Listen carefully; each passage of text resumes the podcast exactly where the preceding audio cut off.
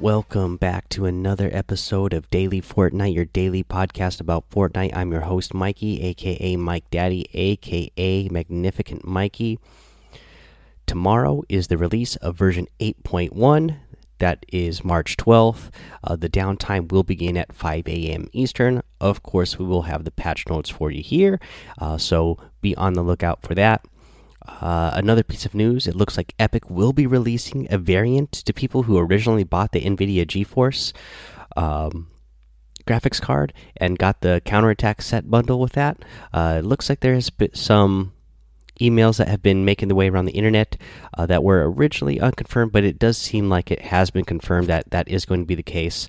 Um, from what I've been able to gather, it seems like NVIDIA is going to go ahead and take the the fall for this, and uh, I don't know how they're if they're paying for production of a new variant or whatever, but it does seem like it. Uh, it was Nvidia's mistake on saying or issuing a statement at some point that accidentally said that it was exclusive when originally I guess was not supposed to be exclusive, but uh, somehow, for some reason, they released a. Uh, I believe it was a tweet at some point that uh, said that it uh, was exclusive.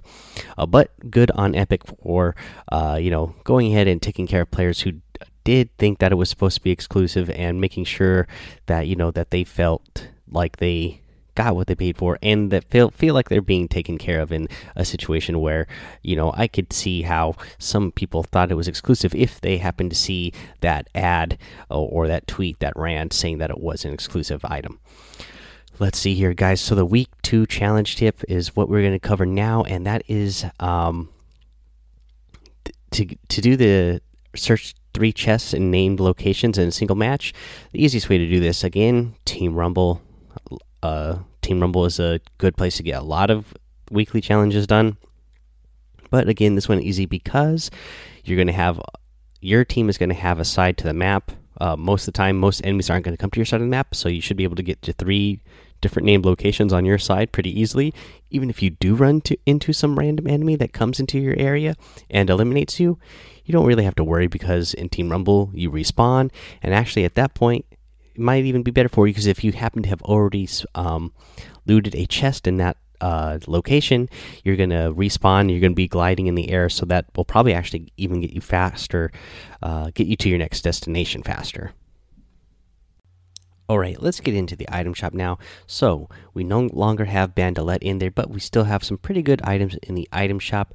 Today, in the featured section, we have the Vertex outfit, uh, one of those that I like a lot, as well as the Razor Edge harvesting tool and the Forerunner uh, glider. You have the Snowfoot harvest, I mean, the Snowfoot outfit, the Snowstrike outfit.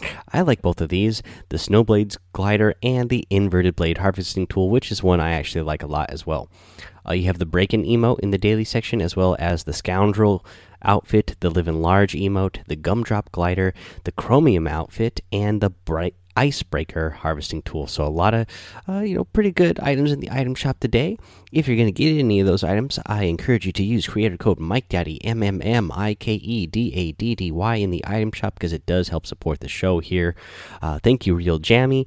Uh, Real Jammy, unfortunately, accidentally purchased an item but at least thankfully he had a creator code set in there and it happened to be uh, code mike daddy thank you for sending me uh, that picture showing me that you um, that you bought something uh, sorry that you accidentally bought something but you know at least you can feel good that your purchase at least supported somebody uh, let's see here you got uh, another thing I want to talk about that you might have seen is there an email going around. Uh, you might not have gotten the email. I posted a link actually over in the Discord that will get you to your video, and this is the seven the season 7 recap uh, video that I'm talking about. So, again, some of you have gotten an email uh, that that came from Fortnite that gives you a recap video of uh, some of the stats that you had during season 7.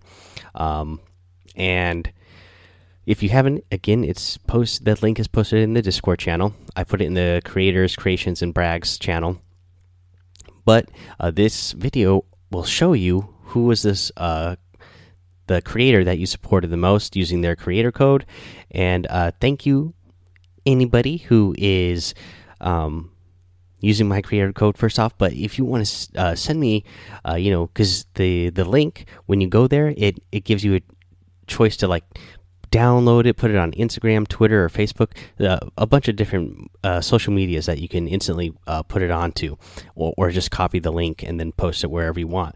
But if you, yeah, if you tweet that over to me or uh, post it somewhere where I can see it, I'll definitely uh, give you a shout out and say thank you, like I'm going to do here for Todd Hazeltine over on Twitter.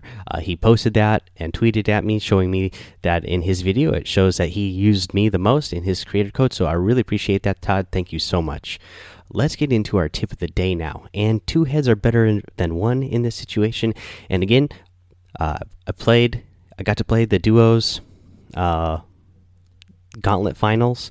Uh, and again it was tough. It was but it was a lot of fun. And so i've been going back and watching some of the uh, the other pro players out there uh, who are scoring big points and kind of what they do and uh, what their strategies are for uh, you know uh, placing higher and getting more elims.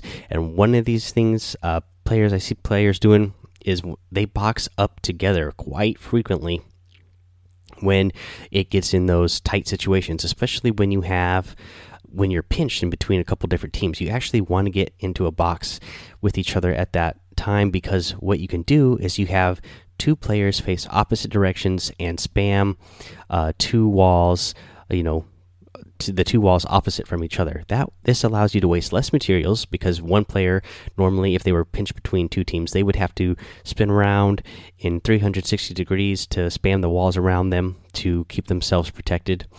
Um, and then you're also less likely to get hit because you're you're going to have uh, two players protecting two walls. So you're never going to have a gap where you're trying to spam a wall on one side, somebody breaks the wall on the opposite side, and you're not able to turn around fast enough to put a wall back up there to protect yourself. If you're both in there together and you're both doing the two walls opposite from each other, you'll you'll pretty much stay protected the entire time you're in there again and that's also going to help you waste less materials because instead of trying to spam on four walls each player is only going to be spamming two walls so uh, this is a really good method to start doing when you're playing those duos. It really box up uh, with each other, especially in those tightly contested areas. Okay, guys, that's the episode for today. So go head over to the Daily Fortnite Discord. Uh, follow me over on Twitch and YouTube. Uh, head over to Apple Podcasts or iTunes and leave a five star rating and written review to get a shout out on the show. Don't forget to subscribe so you don't miss an episode. And until next time, guys, have fun, be safe, and don't get lost in the storm.